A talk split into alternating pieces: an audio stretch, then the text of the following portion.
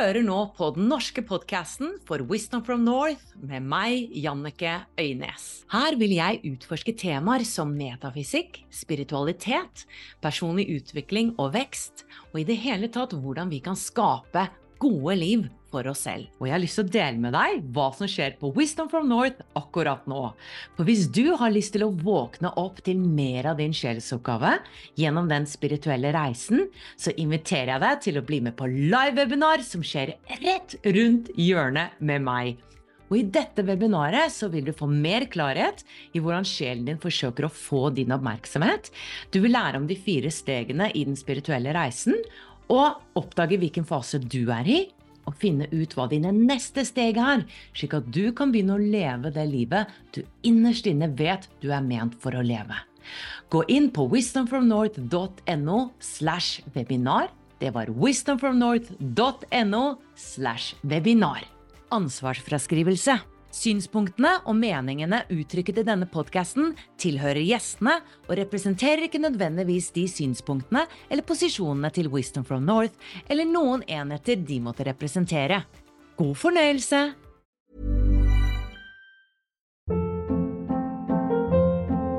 Hold up. What was that? Boring. No flavor. That was as bad as those leftovers you ate all week. Kiki Palmer here, and it's time to say hello to something fresh and guilt-free. Hello Fresh. Jazz up dinner with pecan-crusted chicken or garlic butter shrimp scampi. Now that's music to my mouth. Hello Fresh. Let's get this dinner party started. Discover all the delicious possibilities at hellofresh.com. Here's a cool fact a crocodile can't stick out its tongue. Another cool fact you can get short term health insurance for a month or just under a year in some states. United Healthcare short term insurance plans are designed for people who are between jobs, coming off their parents' plan, or turning a side hustle into a full time gig. Underwritten by Golden Rule Insurance Company, they offer flexible, budget friendly coverage with access to a nationwide network of doctors and hospitals. Get more cool facts about United Healthcare short term plans at uh1.com. Hei og velkommen til en ny episode på Wisdom from North sin podcast. I dag skal du få møte en kvinne som heter Mai Camilla Munkjord. Hun kom helt fra Bergen for å møte meg, og var en utrolig rå, kul dame. Professor, faktisk, på Høgskolen i, eh, på Vestlandet. Og hun har skrevet en bok som heter La masken falle. En personlig fortelling om å gi slipp på barndomstraumer. Så det er traumer, dere, barndomstraumer, vi skal snakke om i dag. Det kan virke litt sånn wow-heavy, men vet du hva? Min teori er at alle har barndomstraumer. Og Mai Camilla trodde som mange andre, meg selv inkludert, at traumer det var noe som handlet om de store tingene, for eksempel å være utsatt for en krig, eller en tsunami, eller et jordskjelv, eller overgrep og sånne ting. Men så oppdaget hun da, når hun begynte i terapi, at hun også selv hadde hatt traumer. For et traume, det kan til og med være at du velter melkekoppen og får kjeft av det av far eller mor. For da er det ofte at barnet internaliserer denne situasjonen og tenker at det er noe feil med meg, siden mamma, pappa eller mamma eller pappa kjefter på meg nå, så er det noe galt med meg. Det som ofte skjer, det er jo at dette her kommer frem i 30-40-årene. Det er min erfaring. Og med Mai Camilla så begynte kroppen å si ifra at noe ikke var som det skulle være. Og bare så dere forstår litt av hva slags type Mai Camilla var. Hun var en overpresterer, og dette sier hun selv. Hun er utdannet sosialantropolog, er ansatt som forsker, postdoktor i omsorgsstudier, ved Høgskolen på Vestlandet og som professor i interkulturelle studier ved NLA-høgskolen. Hun har alltid skrevet mye og har publisert en rekke vitenskapelige artikler. Og det hun sier om boken selv, er at boken er sjangeroverskridende og kan leses som et vitnesbyrd, som en fagbok eller som en impuls som inviterer deg som leser til å reise innover i deg selv. Så hun har vært en vellykket karrierekvinne fått til alltid det hun har satt seg fore, men så begynte altså kroppen å si fra, og hun begynner på en lang vei for å hele seg selv. Det som jeg syns er så fascinerende med denne boken, det er at den er så brutalt ærlig. Jeg leste denne på hytta, og jeg tok innover meg hvor modig Mai Camilla er. Hun skriver i begynnelsen Jeg vet ikke om jeg blir foreldreløs. Jeg vet ikke om mannen min går fra meg, eller om til og med barna går fra meg. Kanskje jeg blir stevnet for retten. Dette var hennes reelle frykt. Men hun tok et valg. Hun kjente at det var viktigere å ikke lyve for seg selv lenger, og heller ta konsekvensen for hvordan de rundt henne ville reagere. Og det kaller jeg vågemot. For som hun sa, hvordan kan jeg snakke om å være ærlig, hvordan kan jeg skrive en bok hvor intensjonen min er å hjelpe andre være sann mot seg selv, om jeg ikke kan være 100% sann mot meg? Og denne boken har berørt meg veldig. Og jeg tenker at når det berører oss, så er det jo fordi at vi har enda mer å ta ut der. At jeg kan stå enda mer i min kraft, og kanskje at du kan stå enda mer i din kraft, snakke mer av din sannhet. Fordi når vi ikke gjør det, så lyver vi for oss selv, og det tror jeg ikke vi signet opp for når vi gikk ned på denne planeten. Jeg tror vår største livsoppgave er å være sann mot oss selv. Nå gleder jeg meg til at dere skal få møte Mai Camilla. La oss møte henne og høre hennes perspektiver. Hei, Mai Camilla. Velkommen skal du være. Du kommer helt fra Bergen og til meg. Det er veldig hyggelig. Tusen takk for at jeg fikk komme. Mm. Jeg har lest boken din, 'La masken falle', en personlig fortelling om å gi slipp på barndomstraumer. Og jeg må si den berørte meg veldig dypt. Og jeg er en emosjonell person, og likevel så satt jeg på kafé, og jeg fikk mange tårer. Um, den er også blitt beskrevet av lesere som sårbar, modig, terapeutisk. Og selv så kaller du den en fagbok, en personlig fagbok, i spedd med poesi. Og dette med at den er veldig personlig, det skal vi snakke litt om i dag. Fordi at jeg opplever den som ekstremt modig. Som et lite oppgjør med familien, og også et møte med ditt indre barn. Eh, du er professor. Eh, på um, Høgskolen på Vestlandet, og du har hatt flotte titler, eh, og samfunnsforsker, og så plutselig så stopper altså livet opp. Mm. La oss bare begynne litt fra begynnelsen. Det er en historie til hvordan denne boken ble til. Kan du fortelle den? Mm. Ja, det er en veldig spesiell historie hvordan den boken ble skrevet. Da var det sånn at eh, julen 2021, for litt over et år siden, så jeg våkna grytidlig om morgenen med en følelse av at det var noe som skulle skrives, noe som måtte ut av kroppen min. Så jeg står opp, setter på PC-en og begynner å skrive. Og etter med noen minutter så kan jeg lese et dikt på skjermen som heter barndommens infiserte brakkvann.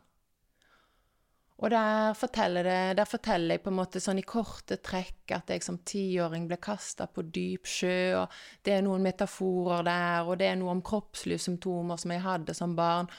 Og så tenker jeg for meg selv barndommens infiserte brakkvann. Sånn har ikke jeg tenkt om barndommen min før. Og så kommer neste tanke, og det Dette, Mai Camilla, det er innledningsdiktet i din personlige bok som skal handle om å gi slipp på barndomstraumer. Og da begynte jeg å diskutere med meg sjøl, fordi som du sa, jeg var jo samfunnsforsker og skrevet mye vitenskapelig, men aldri noe sånn dypt personlig.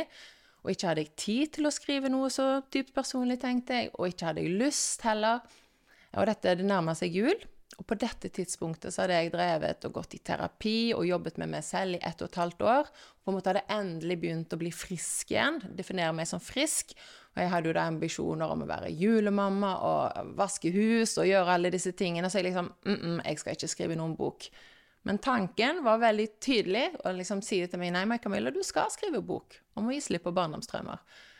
Og så er jeg jo veldig glad i å skrive, og noen ganger lett å overtale, så da gikk det faktisk bare en liten stund, i samme morgenmeditasjon, hvor jeg skriver, eller liksom jeg åpner opp sånn her, og så sier jeg greit, hvis det er meningen at jeg skal skrive en bok, så kan jeg gjøre det, men da trenger jeg hjelp. Så åpna jeg meg opp, kjente på en måte at det kom en slags kraft, og så bare begynte jeg å skrive uten selvsensur. Og så avtalte jeg med meg sjøl at greit, det er juleferie, men jeg kan stå opp klokken seks. Og så kan jeg skrive frem til klokken ti hver dag nå fremover. Resten av dagen må være til familien og til julen osv. Og, så og så får vi se hvordan det går. Og etter ganske kort tid, bare ut i januar, så var faktisk førsteutkastet til denne boken på plass. Mm. Ja, det er helt klart at det, det, er mye som skulle ut, og at mm. dette, dette, var ment for å skrives. Eh, I løpet av et par uker så var den ferdig. Eh, kan du fortelle litt om hva var det som presset seg sånn på, som måtte fortelles? Nei, det som måtte fortelles for min del, det var min fortelling om hvordan jeg gikk på veggen. Eh, det kan vi komme tilbake til hvordan. Altså, det var min fortelling om å gå på veggen Eh, med utmattelse, insomnia, depresjon som 43-åring. Eh, og så var det på en måte fra den situasjonen å ta med leserne tilbake til min barndom. Og til på en måte det å se på min egen barndom med nye øyne. Jeg hadde frem til jeg begynte i terapi, tenkt at jeg hadde hatt en strålende god barndom.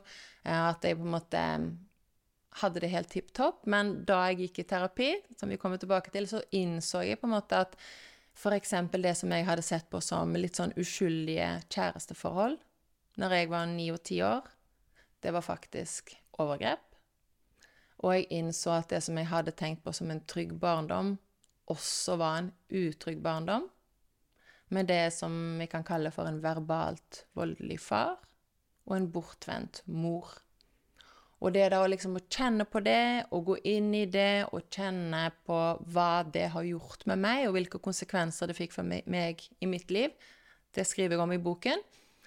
Og så tar jeg på en måte leserne med inn i mitt hverdagsliv som 43-åring og viser hvordan disse barndomstraumene kommer til overflaten som symptomer, kommunikasjonsmønstre, atferdsmønstre, som på en måte er litt sånn automatiserte og drevet av traumene, drevet av det indre barnets følelser og behov. Og så viser jeg veien ut av traumene. Jeg tar med leseren ut i naturen, ut i meditasjon. Ut i naturen, som ble veldig viktig for meg.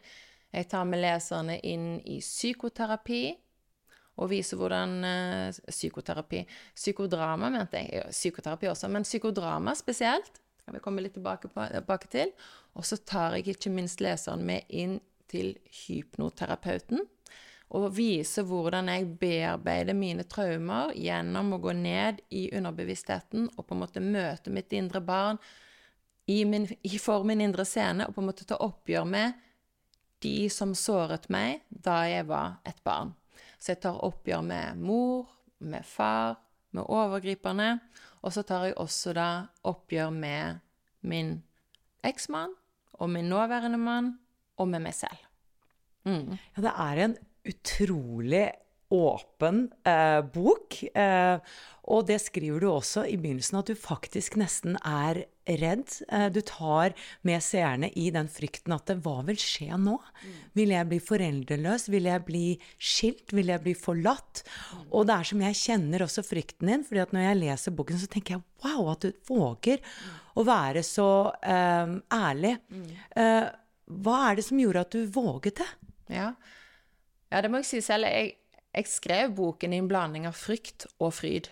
Sant? Altså en fryd over ordene som bare kom, og jeg bare så at dette gir mening, og det kom dikt, og det var en fin struktur, og språket var drivende. Jeg kjente det selv at dette er jo en ganske god bok om barndomstraumer, og jeg på det tidspunktet visste ganske lite sånn vitenskapelig om barndomstraumer. Jeg bare skrev på en måte fra kroppen. Så jeg skrev det altså i en fryd over ting som bare kom, og jeg kjente dette en gave til meg. Kanskje jeg skal gi den videre, men den er i hvert fall til meg, for jeg får på en måte en ny forståelse av hvem jeg er. Og så skrev han i frykt, som du sier da, sant. Hva vil skje nå?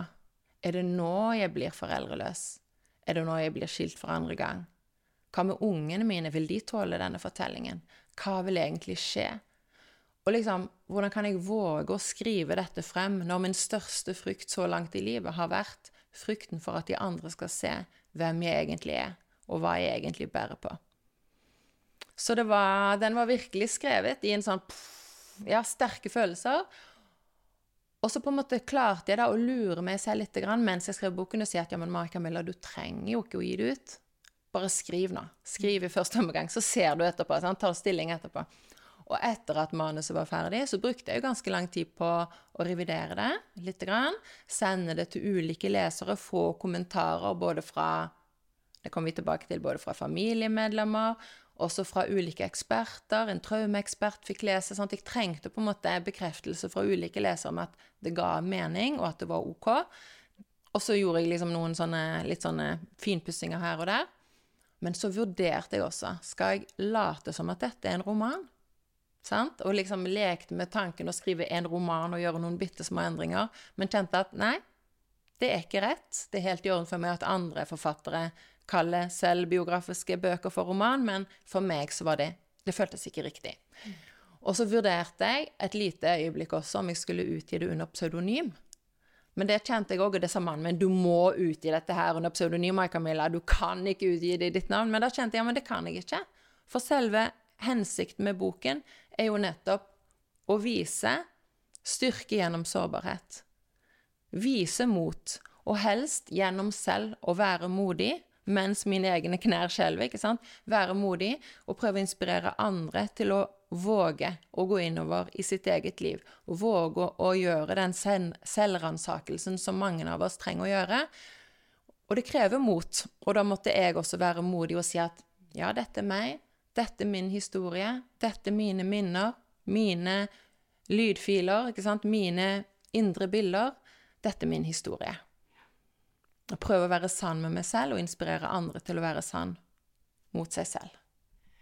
Litt tilbake til hvor det hele startet, fordi du sier jeg var 43 år før jeg egentlig skjønte hva et traume var. Jeg trodde var, et traume var ikke sant, eh, du opplevde en tsunami eller noe forferdelig stort, da. Uh, og så begynte jeg å skjønne jeg har også traumer. Det jeg er nysgjerrig på, Hvorfor, dukket, hvorfor, tror du det plutselig dukket opp i en alder av 43? Og om du kan fortelle hvordan denne prosessen begynte å uh, ja, åpne seg, da. Mm. Og bare før jeg sier det, så kan jeg si hva, hva jeg forstår med barndomstraumer nå. Fordi det som jeg forstår med barndomstraumer, det er når et barn har følelser, erfaringer, som ikke blir møtt, som ikke blir reparert. Sånn at følelsene som oppstår i situasjonen, på en måte trykkes ned i kroppen som om den er en trykkoker. Så det er liksom så enkelt som at et barns erfaringer og følelser som ikke møtes, og som ergo på en måte fornektes, bagatelliseres, trykkes ned i kroppen. Det, det ser jeg på. Det kan utvikle seg til et traume over tid. Og jeg tenker at den type traumer er mye vanligere enn vi tror. Jeg tror de aller fleste i dagens samfunn faktisk har traumer av eh, et eller annet slag. Og så tenker, jeg om som så at disse traumene kommer til overflaten som symptomer vi ikke forstår. Så når vi da ser i dagens samfunn, så ser vi at stadig flere har ulike former for sykdommer.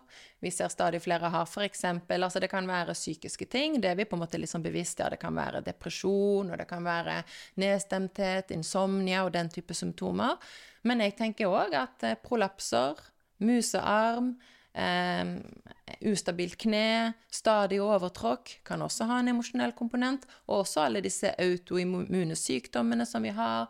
ME, MS kan ha en emosjonell komponent osv. Så sånn at mitt syn da, det er at traumer, ikke-bearbeidede følelser og opplevelser som kommer til overflaten som symptomer vi ikke forstår, og som skaper lidelser for oss her og nå, ved at vi på en måte oppfører oss da, på måter som ikke er i tråd med vår indre sannhet, vårt indre jeg, det vi egentlig vil. Og Derfor så er det jo da interessant å komme på sporet av ja, hva er mine traumer, og hvorfor jeg skulle bli 43 år. Altså, det vet jeg ikke. Jeg tenker at eh, mine, mine mønstre da, frem til jeg var 43, det var å løpe veldig raskt. Så jeg var på en måte, når jeg ser på mitt eget liv sant? altså Jeg drev på en måte med overprestasjon, kaller jeg det, og overansvarlighet. Med overprestasjon så var det det at det var veldig viktig for meg å være veldig dyktig og veldig flink.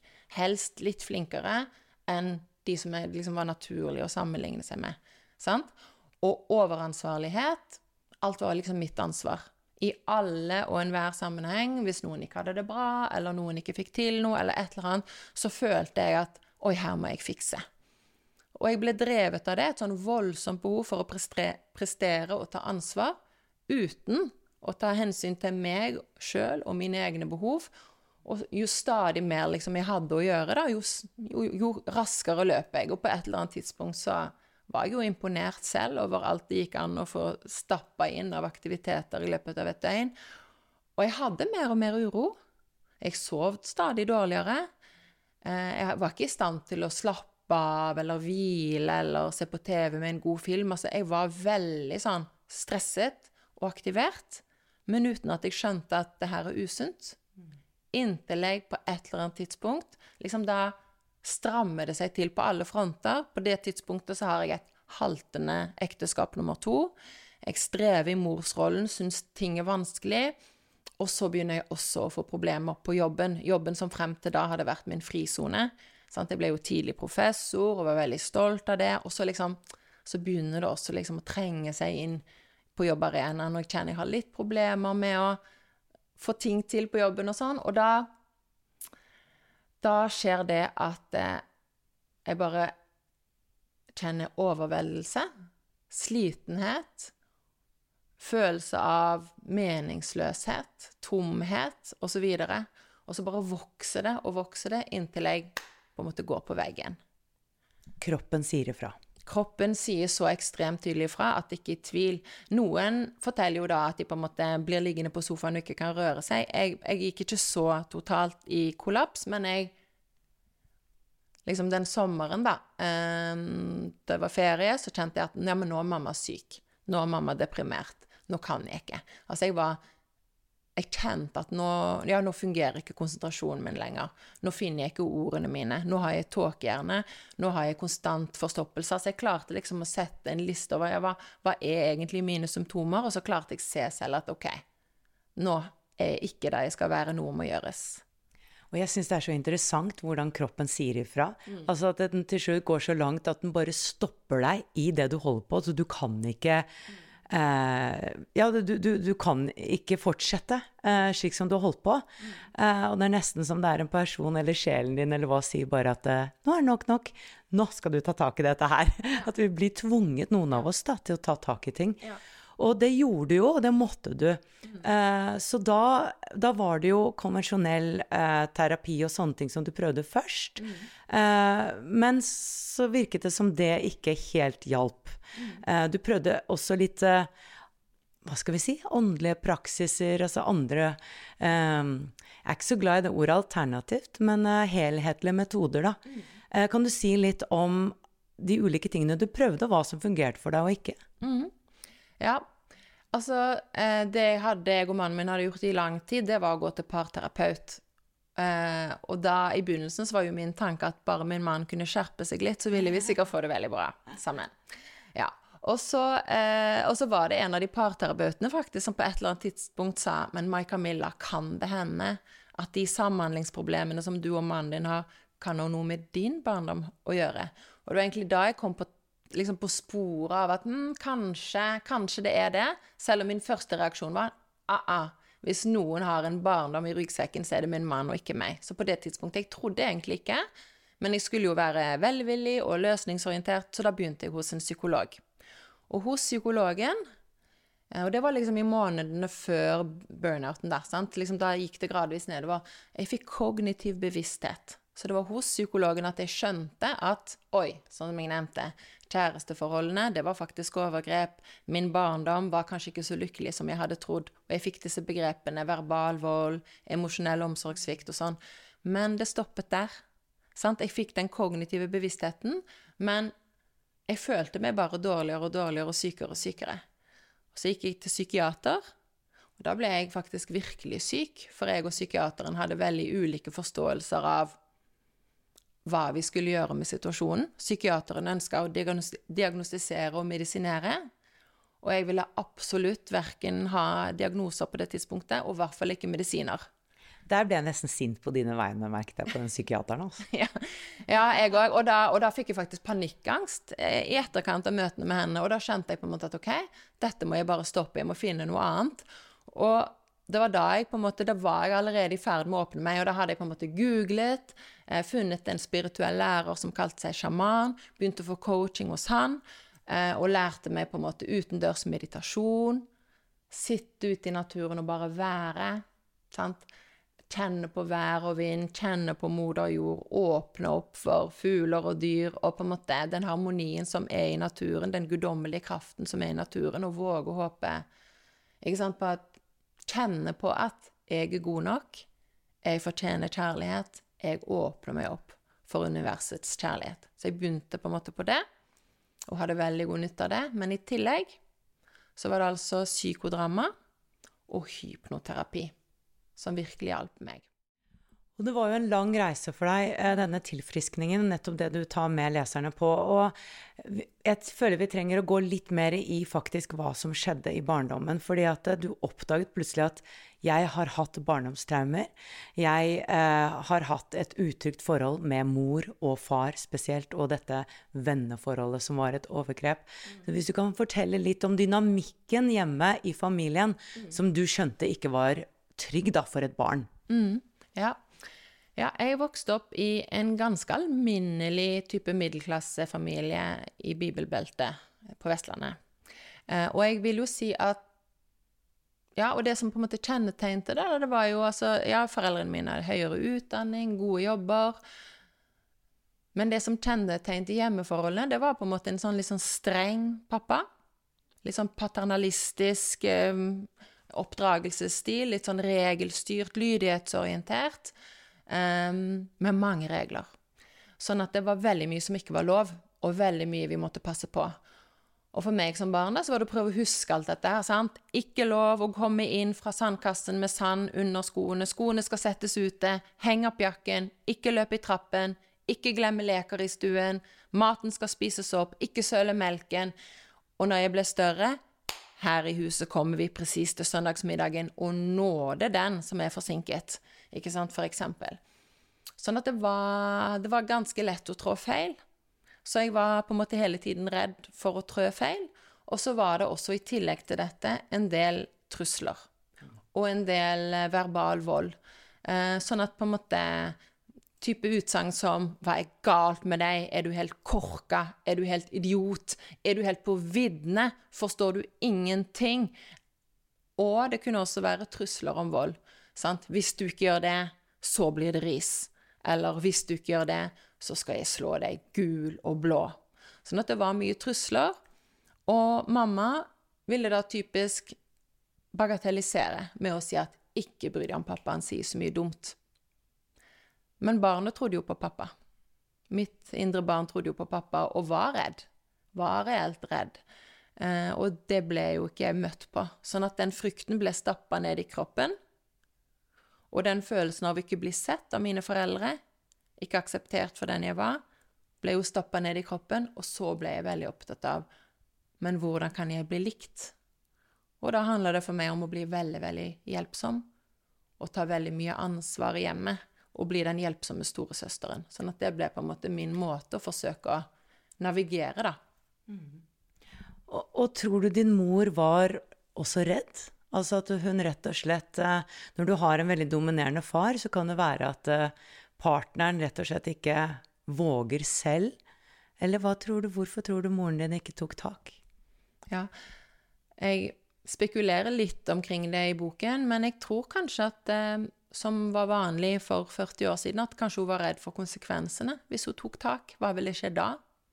Ville det bli brudd mellom de? Ville hun stå alene? Ville hun klare det? Eh, så det kan hende at hun ikke tok risikoen. Mm. Og så var det jo en ganske alvorlig hendelse med, med, disse gutta som du trodde på en måte var venner. og uh, Du beskriver det i detalj i boken, eh, men det trenger vi ikke å ta her. Men blant annet, i hvert fall en del av det, at du ble kastet på sjøen, mm. som er en ganske altså, forferdelig traumatisk opplevelse, hvor du trodde i fallet at du skulle dø. Mm. Um, er det noe som du også da hadde undertrykket og nesten glemt at du hadde opplevd? Ja, det hadde jeg faktisk. Um, og før den episoden skjedde, der jeg ble hjult opp og kasta på sjøen som tiåring, så hadde jeg på en måte hatt et slags kjæresteforhold til to større tenåringer. Uh, og jeg var, det må jeg jo si da, jeg var sårbar som ni-tiåring. Jeg sleit sosialt. Um, var ikke invitert i bursdager i klassen, og vi bodde litt langt unna de andre i klassen, sånn at det var ingen lekekamerater i min klasse som bodde i nærheten uansett. Så jeg var sårbar, og så var det noen større tenåringer som viste meg interesse, noe jeg på en måte først var beæra over. Så jeg gikk frivillig inn på dette tenåringsrommet flere ganger, og først var det kyssing og den slags, og så ble det etter hvert til overgrep. Men jeg gikk frivillig tilbake til disse overgrepssituasjonene også etter at jeg nok kjente at dette var veldig ubehagelig for meg. Så klarte jeg å sette en stopper, gikk dit ikke igjen. Og så noen måneder senere så kommer da disse to tenåringene og noen av de andre ungene i gaten som jeg på en måte tror er lekekompiser. Vi har brukt lekeboksen av av og til.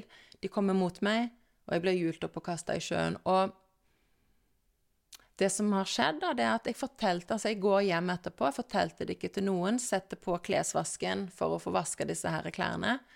Eh, setter på klesvasken for første gang. Og etter det så sier jeg det ikke til noen. Jeg forteller det ikke til en levende sjel, og til meg selv så bare holder jeg fast ved at jeg hadde noen kjærester. Og selve den episoden med vold, å bli kasta på sjøen, der jeg ja, faktisk trodde jeg skulle drukne, det, det kunne jeg på en måte ikke forholde meg til, for det var veldig vanskelig å kalle det for noe annet enn det det var, skjønner du, sant? Sånn at det liksom det forholdt jeg meg ikke til. Ikke før jeg begynte i terapi. Og jeg skjønte at det som virkelig hadde satt seg fast i min kropp av det, det var jo blant annet at det er ikke sikkert at hvis noen liker det Hvis jeg tror at noen liker meg, så er det slett ikke sikkert at de faktisk gjør det.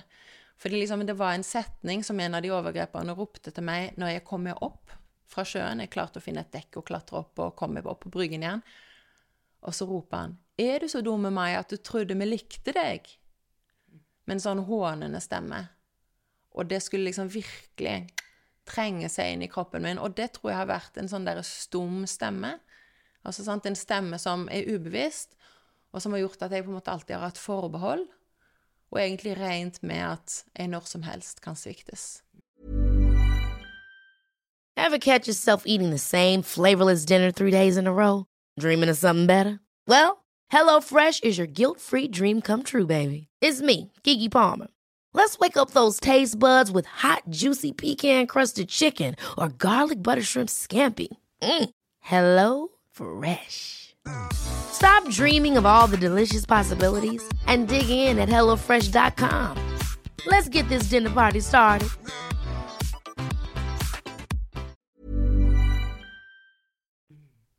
Og jeg har egentlig ikke noen verdi i meg selv. Sånn at jeg tror at det som skjedde da, det forsterket jo det jeg hadde opplevd på hjemmebane. Og, og det jeg forteller om det jeg hadde opplevd på hjemmebane, forteller jeg for å forklare hvorfor tiåringen var overbevist om at dette kan jeg ikke fortelle hjemme. Ja, for hun trodde ikke at der ville jeg møte støtte i det hele tatt. Nei, jeg var overbevist om at jeg ikke ville det. Mm. Og så kommer denne eh, lange healingen, og det er særlig eh, hypnoterapien som jeg syns er veldig spennende, mm. hvor du begynner å få forløsninger. Og der snakker du også om selvansvar, selvomsorg og radikal tilgivelse. Ja. Kan du ta oss litt med på hvordan du klarte etter hvert å tilgi og heale Heale Tilfriske, eller hva skal man si Heale ordentlig, da. Ja. ja. Og, ja. og jeg kan bare si først, det der med selvomsorg og selvansvar er veldig viktig for meg. Ja. Og jeg kan jo si at jeg var på en måte et offer frem til Frem til jeg skjønte at jeg ikke trengte å være det, så, så var jeg på en måte, gikk typisk inn i offerposisjon i veldig mange relasjoner i livet mitt. Og, og tenkte på en måte hvis ting skjedde med meg, så, så, var det ikke min feil. på en måte, Jeg kunne ikke gjøre noe med det. Og det, da, det var da han spirituelle læreren min som anbefalte meg å lese en bok som heter Man's Search for Meaning. Ikke helt sikker på hva den heter på norsk, men av Viktor Frankel. Viktor Frankel, som var en av de som overlevde Auschwitz. Og der er selvansvar et veldig viktig begrep, og da handler det på en måte om, sånn som Frankel skriver om, at han har jo ikke ansvar for det han ble utsatt for, selvfølgelig, i konsentrasjonsleiren, men han velger å ta ansvar for hvordan han tenker omkring det, og hvordan han føler omkring det, og hvordan han handler på basis av det i USA som en overlevende.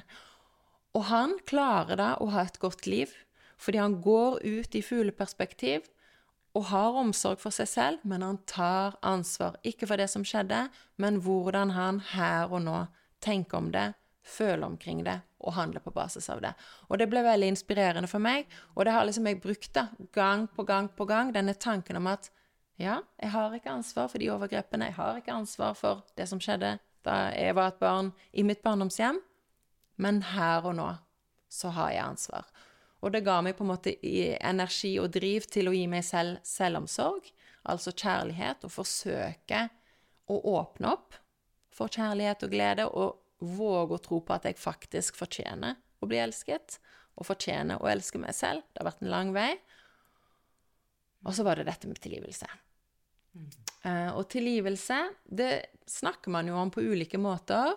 Ja, og det er nysgjerrig på. Hva er din um altså Hvordan ser du på tilgivelse? Fordi at uh, ofte er vi redde for at når jeg tilgir, til, tilgir, så sier jeg at dette er ok. Ja. Veldig viktig. For meg å tilgi handler absolutt ikke om å akseptere det som skjedde. Ikke det hele tatt. Men tilgivelse for meg, det handler om å gi slipp på Jeg kaller det for de emosjonelle og energetiske båndene mellom meg nå som voksen og de personene som såret meg, og de situasjonene som har krenket meg. Så liksom Tilgivelse handler om å virkelig kutte båndene ut ifra tanken om at 'jeg har lidd lenge nok'. Så jeg trenger ikke engang, sånn som vi får når det gjelder overgriperne Jeg trenger ikke engang å konfrontere dem med det som har skjedd. Jeg trenger ikke engang at de sier unnskyld, at de tar ansvar.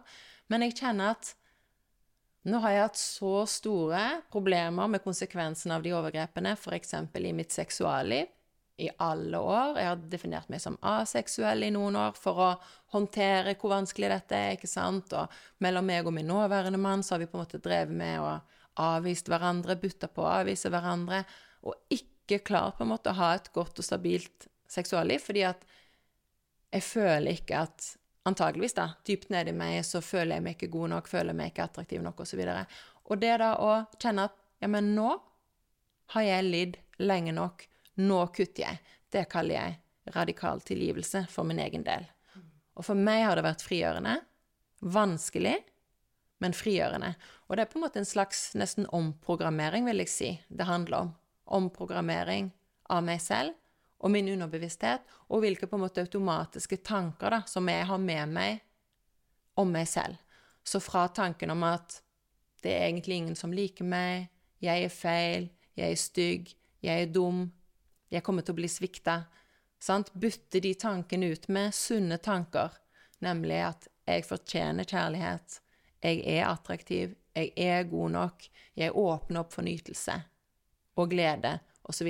For vi er jo ikke her for å lide, men for å lære av de vonde erfaringene. Mm. Var det noen det var spesielt vanskelig å tilgi? Ja. ja det var det. Og eh, faktisk min mor og min nåværende mann, og egentlig også meg selv. Oss tre var det vanskeligste å tilgi. Jeg tror det var fordi at overgriperne, da var det veldig tydelig hva de hadde gjort for meg etter hvert, ikke sant? Og det var det jeg skulle gi slipp på i forhold til pappa òg. Det var ganske tydelig hva han hadde gjort. Han hadde sagt visse ting, han hadde skremt meg, han hadde truet meg, han hadde hånt meg. Det trengte jeg jo slippe. Men i forhold til mamma så var det mye mer vagt. Sant? Så det skriver jeg om i boken òg. Beskrivelsen kommer liksom ikke helt Jeg blir ikke helt sånn klok på hva er det egentlig. Så det var vanskelig å tilgi henne for å ja, liksom komme på Liksom virkelig kjenne etter hva er det egentlig som som gnisser inni meg, eller som er vanskelig mellom oss. Og sammen med min nåværende mann. Vanskelig å kjenne etter ja, hva er det egentlig som gjør at jeg føler meg utrygg i møte med deg? måtte jeg jo si til han, Hva er det som gjør at jeg føler meg utrygg i møte med deg? Det var vanskelig å sortere. Er det fordi jeg blander han med min far? Er det fordi jeg blander han med over, en av overgriperne? Eller er det ting som rent reelt har skjedd mellom oss så det har vært en lang prosess. Og så tror jeg for alle at det er vanskelig å tilgi seg selv. Jeg tror vi, jeg tror vi svikter oss selv. Også vi som på en måte er på en spirituell vei, ofte fortsetter å svikte oss selv fordi vi har våre skyggesider eller blindsoner, eller hva du skal si, der vi strever litt med å stå opp for oss selv. Og det å innse at her står ikke jeg opp for meg selv. Her svikter jeg meg selv. Her trenger jeg og på en måte omfavne meg selv, akseptere meg selv, gi meg selv det jeg trenger, være sann med meg selv. Det tror jeg er ganske vanskelig. Og så tror jeg det er ganske vanskelig når man innser at man har reprodusert det i stor grad. Hvordan da? Eh, for min egen del så har jo jeg reprodusert i mitt indre det jeg ble programmert til som barn. Så jeg har jo reprodusert tanken om at jeg er feil, at jeg er dum, at jeg ikke fortjener kjærlighet. Så jeg har jo selv jeg kan jo ha tenkt at det er andre som er slemme med meg, men i veldig stor grad, for jeg har hatt sant, en del problemer her og konflikter der, og sånn, og så kan jeg tenke på en måte du var slem, du var slem, osv. Men da er det jo, tenker jeg nå, da, ut ifra at man går inn i situasjoner der man har noe man trenger å reparere inni seg selv, og så er det å se det. Kan jeg nå se hva såret mitt er, og kan jeg nå våge å rense opp og plastre, ikke sant, og helbrede det såret? Og, og så lenge vi lar være å gjøre det, så tenker jeg at vi svikter oss selv. Uh, og så er på en måte det å tilgi seg selv da, å våge å innse det. Våge å gå innover. Våge å begynne å skrelle av disse løklagene, da. Til vi etter hvert forhåpentligvis kommer dypere inn i oss selv. Ja, fordi det er litt tricky dette her. Eh, hvis du har en part som ikke ønsker å gå inn i seg selv, Uh, ikke ønsker å gå til terapi eller ta ansvar for situasjonen, f.eks. flere karakterer som du beskriver i boken, eller mennesker, da. um, Mm. For du er jo ærlig å faktisk fortelle hvem det er, selv om du har eh, et annet navn på mannen din i boken som han ønsket. Um, og så har du kanskje da sensitive mennesker som jobber med seg selv. Eh, og så er det ofte den som snakker høyest, som er mest høylytt, kanskje mest autoritær eh, til tider, eh, som vi kan og den som roper høyest generelt sant, i samfunnet også, som faktisk blir mer hørt. Mens den som er mer sårbar og mild kan kanskje bli sett på som mer, svak og som underdog, og som da vil igjen eh, kanskje um, aktivere denne følelsen om at jeg er ikke god nok, mm. og da igjen ikke ta vare på seg selv. Mm. Så det er nesten som Det er ikke så lett å komme ut av de rollene. Eh, og det er der vi ofte ser narsissister og ofre, ikke sant, og at det offeret eh, Jeg har vært der selv. Eh, kan tiltrekke seg lignende ting. Mm. Eh, og det er jo egentlig en ny mulighet til å se på i seg selv hvordan man kan stå opp for seg selv. Men det er ikke lett. Ikke lett. Og det er det der med å sette sunne grenser. Hva er sunne grenser for meg? Mm. Og for min del òg, så har det handla om å være tydelig på hva er meg og mine behov. Hva ønsker jeg meg? Hva er viktig for meg? Hva er, liksom, hva er glede og nytelse for meg? Og våge liksom ikke bare være opptatt av ja, hva vil du? Hva har du lyst til? Ikke sant? Samme for meg. Ikke der, men våge å fylle på, identifisere og fylle på med det jeg selv liker, ut ifra tanken om at hvis jeg vil gi kjærlighet, så må jeg jo være full av kjærlighet. Og liksom det der ordtaket 'ingen kan drikke av en tom brønn', det er faktisk ganske essensielt, for mange av oss vil så gjerne være kjærlige, gode, snille mennesker, men så gir vi egentlig ut av tomhet, og da er det blir ikke engang satt pris på, ikke sant? For vi må gi av overflod, og det er overflod til alle. Det er jo det som er så magisk, sant? Det er nok til alle. Men vi må våge å ta imot. Mm. Og jeg har lyst til å høre mer eh, faktisk fra boken. Eh, jeg hadde hatt lyst til at du leser eh, noe fra boken, kapitlet som vi har snakket om, da, om faren din, hvor du jeg var i prosess med å tilgi faren din hos hypnoterapeuten. Mm. Så vi har blitt enige om dette her på forhånd, så det er en veldig fin del av boken. Ja, det kan jeg gjøre. Ja. Og da kan jeg si at hypnoterapi, det er, er på en måte vanlig psykoterapi på et vis, eh, men gjerne da med en psykolog eller en hvem som helst personer som har en utdanning i hypnoterapi i tillegg. Og det som på en måte skiller det litt, er at som klienter så lukker man øynene.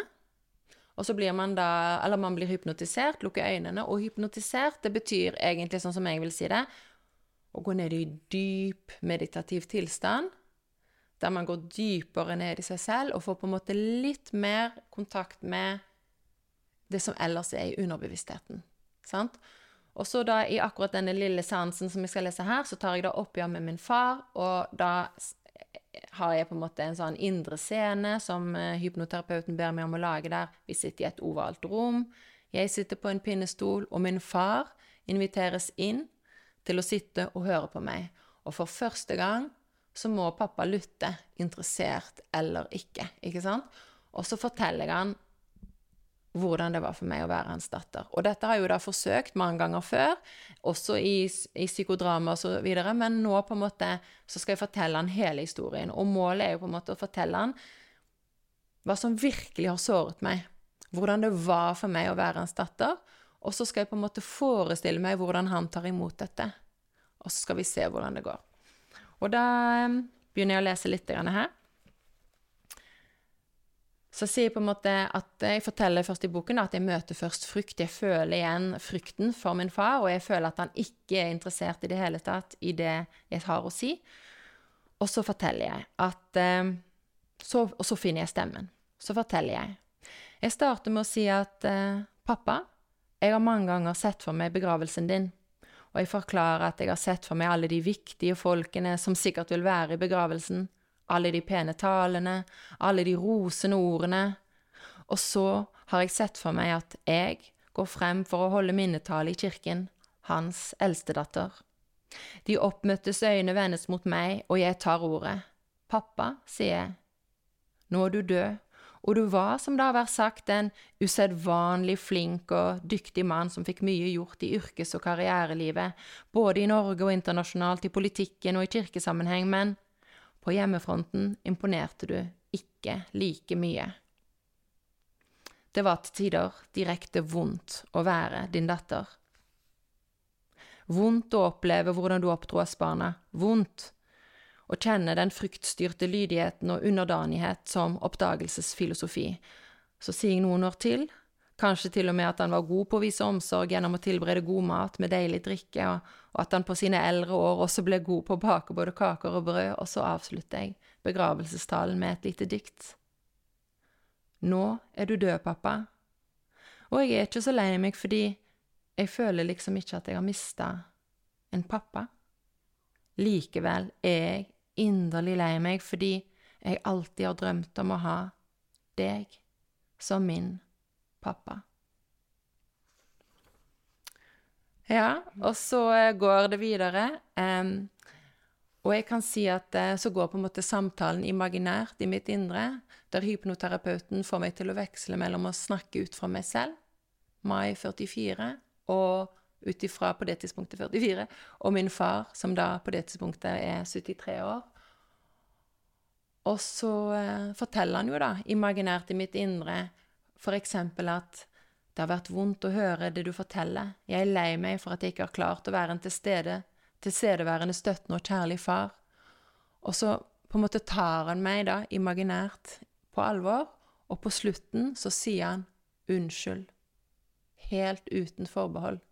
Så det er jo på en måte jeg selv som sier unnskyld, ikke sant, uten forbehold, men jeg forestiller meg at det er pappa som gjør det. Og det i seg selv har en stor helbredende kraft. Så det er på en måte tips til alle som trenger å ta oppgjør med noen, at det å våge kanskje å få hjelp av en terapeut til å ta imaginært oppgjør, fortelle det vi har på hjertet, og gi oss selv den unnskyldningen vi hadde trengt fra den som såret oss, det har i seg selv en helbredende kraft.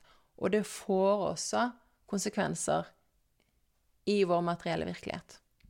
Ja, det er litt det magiske, at det kan faktisk skje også i da den virkelige verden. Og som vi snakket om tidligere før dette intervjuet, at det, det har en stor effekt også fordi at du blir fri. Selv om det kanskje ikke nødvendigvis kan endre seg i den virkelige verden. Det kan gjøre det og kan ikke gjøre det, men du kan i hvert fall bli fri selv. Og da blir jeg også nysgjerrig på om du kanskje har lyst til å dele da, hvordan faren din reagerte, fordi at du sendte jo denne boken rundt til familien din. Og det, som leser så ble jo jeg veldig nysgjerrig på hvordan blir dette mottatt, og vi kan jo avsløre noe i hvert fall. Kanskje ikke alle. Um, fordi at det var veldig forskjellige reaksjoner på boken. Men dette var jo du som forfatter veldig, veldig spent på og redd for selv også. Mm. Uh, og jeg ble også veldig overrasket over hva din far skrev. Mm. Ja. ja. for jeg kan jo si at uh, det var veldig skummelt for meg da jeg hadde fått uh, kontrakt om å utgi boken. Så dro jeg jo da til mine foreldre, sånn at de fikk lese manus. Og de fikk en sjanse til å kommentere om det var noe de mente var faktafeil. Og de ble òg invitert til å skrive et etterord hvis de ønska det. Og min far er god til å skrive, så det var et reelt tilbud. Um, og det ønsker de ikke. De har ikke skrevet et etterord, som dere vil se, men han skrev en e-post som jeg siterer bitte litt fra i, i, eh, i, boken. Og jeg skal kanskje ikke lese hele, men jeg kan si at han blant annet skriver Kjære Mai Camilla. Det er fryktelig vondt å lese og annamme hvor vondt og vanskelig du har hatt i barndoms- og ungdomstiden din, og hvordan du opplevde traumer som siden har plaga deg gjennom hele livet. Smertelig er det å bli forklart i klarspråk hvordan du har erfart min fars gjerning som så totalt forfeilet at den på avgjørende vis bidro til traumene og vanskene dine, ja, kanskje utgjør hovedårsaken eller hovedforutsetningen. Jeg angrer og ber om unnskyldning. Og det var jo en veldig, veldig fin unnskyldning, og eh, han skriver også at det er modig. At han takker for at jeg tilgir han, og håper at han en dag kan tilgi seg selv. Så det var veldig forløsende. Så kan jeg si at eh, det betyr ikke nødvendigvis at vi har en nær relasjon i dag, fordi at jeg fikk den unnskyldningen per e-post. Eh, og det har ikke kommet noe mer fra han. Men jeg setter uansett utrolig stor pris på det, fordi det er en bekreftelse på det som jeg skriver, at det var sånn. Eh, I alle fall så er det en bekreftelse på at han anerkjenner at det er min, det er min historie, mine lydspor, og at det er en viss gjenkjennelse, det vet jeg jo at det er, på en måte. Um, så um, det ble jeg glad for. Ja, jeg må si som leser så var jo det godt å, å lese uh, og se, uh, og at eh, det å skrive en sånn bok også kan ha den forløsende effekten, og at kanskje andre mennesker også da begynner, eller inviteres til å se inn i seg selv. Eh, og det var jo ganske stort skritt fra måten du har forklart hvordan han er på, og til det skrittet å, se innover, da. Mm. Skal vi alltid fortelle sannheten? Ja, skal vi alltid fortelle sannheten? Jeg syns det er et interessant spørsmål. Jeg tenker at vi skal i hvert fall alltid fortelle sannheten til oss selv. Hvis vi kan våge det. For jeg tror vi lyver Først og fremst så er vi jo løgnere i møte med oss selv. Og vi eh, vil kanskje ikke innrømme for oss selv både vår svik mot oss selv og mot andre. Så, så i hvert fall der er i hvert fall nummer én relasjon være sann mot seg selv. Men jeg tenker faktisk at vi også skal våge å stå opp og si vår sannhet til våre nærmeste og til omverdenen. Og det handler om at hvis vi lar være å si vår sannhet av frykt for å bli avvist, så avviser vi jo oss selv. Og den viktigste vi har å stå opp for, er oss selv. Og hvis vi på en måte vedlikeholder sosiale relasjoner sant, av frykt for at de andre ikke skal akseptere den de egentlig er, så er kanskje ikke de relasjonene så verdifulle. Og min erfaring er at hvis vi våger å være sanne mot oss selv, så kan det i noen tilfeller gå ok. Sånn som med min far, der jeg i hvert fall fikk en nydelig e-post uten at vi nødvendigvis har noe mer med hverandre å gjøre. Det vet jeg ikke. Det vil tiden vise. Andre relasjoner, som man kan lese i boken, gikk det ikke så bra med. Men det er verdt det likevel, fordi at jeg står opp for meg selv. Jeg forteller min sannhet. Og det er derfor vi er her, tror jeg. For å være sanne mot oss selv og lære av våre egne erfaringer og dele til andre som kan ha nytte av det samme. Mm. Er det noen avsluttende ord du har lyst til å dele, f.eks. noen råd du har til lytterne eller seerne i dag? Ja. Um, ja, det er kanskje å repetere dette her med selvansvar. Våg å ta ansvar for ditt eget liv. Våg å ta ansvar for hvordan du tenker om ditt eget liv, og hvordan du tenker om dine muligheter. Våg å stille deg spørsmålet ja, men er det sant at sånn og sånn og sånn? Er det sant at jeg må eksempel noe? Eller er den og den forestillingen om meg virkelig sann, eller driver jeg faktisk og saboterer for meg selv? Begrenser meg selv? Og derifra, da, våge liksom å gå innover i seg selv, selvransakelse. Og for å få til selvransakelse, så kan vi jo kanskje jeg bare komme på det, sitere Camillo Løken, som har disse her fire s-ene med at det er viktig å redusere støy. Redusere støyen utenfra oss, kutte ned på nyheter og sosiale medier. Det er viktig med stillhet, legge til rette for indre stillhet. Og den indre stillheten som vi f.eks. oppnår gjennom meditasjon, kan vi så bruke til selvransakelse. Og for at den veien skal gå bra, så trenger vi også søke støtte fra andre. Så det er den fjerde, sant? at vi er et fellesskap, og at vi ber om hjelp. Uh, ja, kanskje det. De fire s-ene der. Og så putte på en femte s, selvansvar, og en sjette s, selvomsorg. Mm. Vakkert. Og så har jeg lyst til å be om om du har lyst til å lese et av diktene. Ja, jeg var, jeg var i tvil, men jeg tror jeg leser dette her, jeg.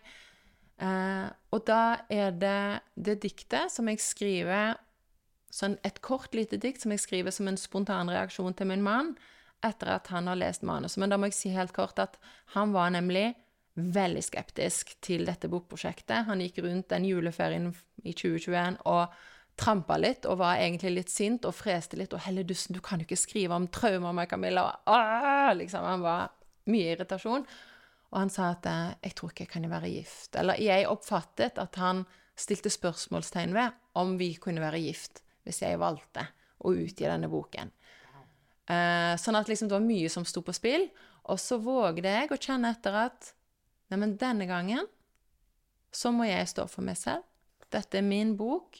Dette er en gave som er gitt meg, som jeg skal gi videre. Det, må, dette, dette, skal jeg utgi. Og så sier jeg til han at men du kan jo kanskje lese manuset først. Det ville han ikke. Så vi gikk til parterapeut, og så fikk vi en sånn forståelse av at han måtte lese. Så da, etter to-tre uker, grå i ansiktet tidlig en morgen, så sier han 'send meg det manuset', da'. Og jeg sender manuset, og han drar på kontoret og leser, og jeg sitter som forsteinet i sofaen og kan ikke bevege meg, og begynner å google etter leiligheter og tror egentlig at nå er det slutt. Og så etter en seks-syv timer så ringer han, på gråten, og bare sier 'det var så fint'. Det var så fint å lese boken.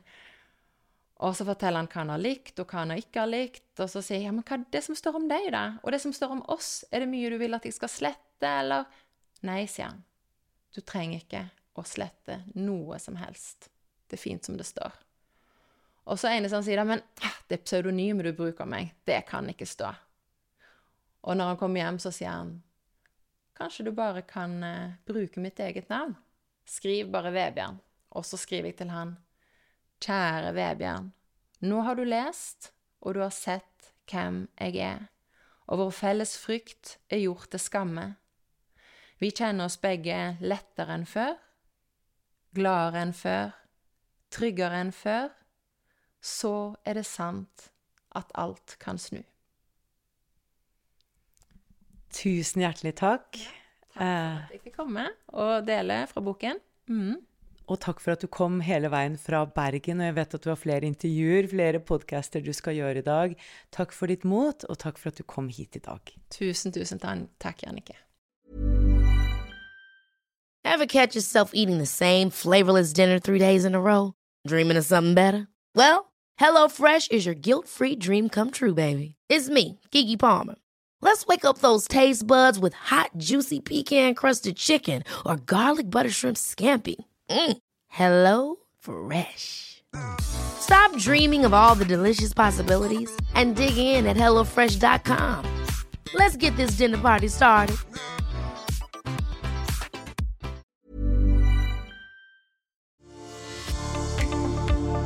Ønsker du å utvikle deg som menneske, åpne opp mer for din livsoppgave og utforske en dypere mening med ditt liv?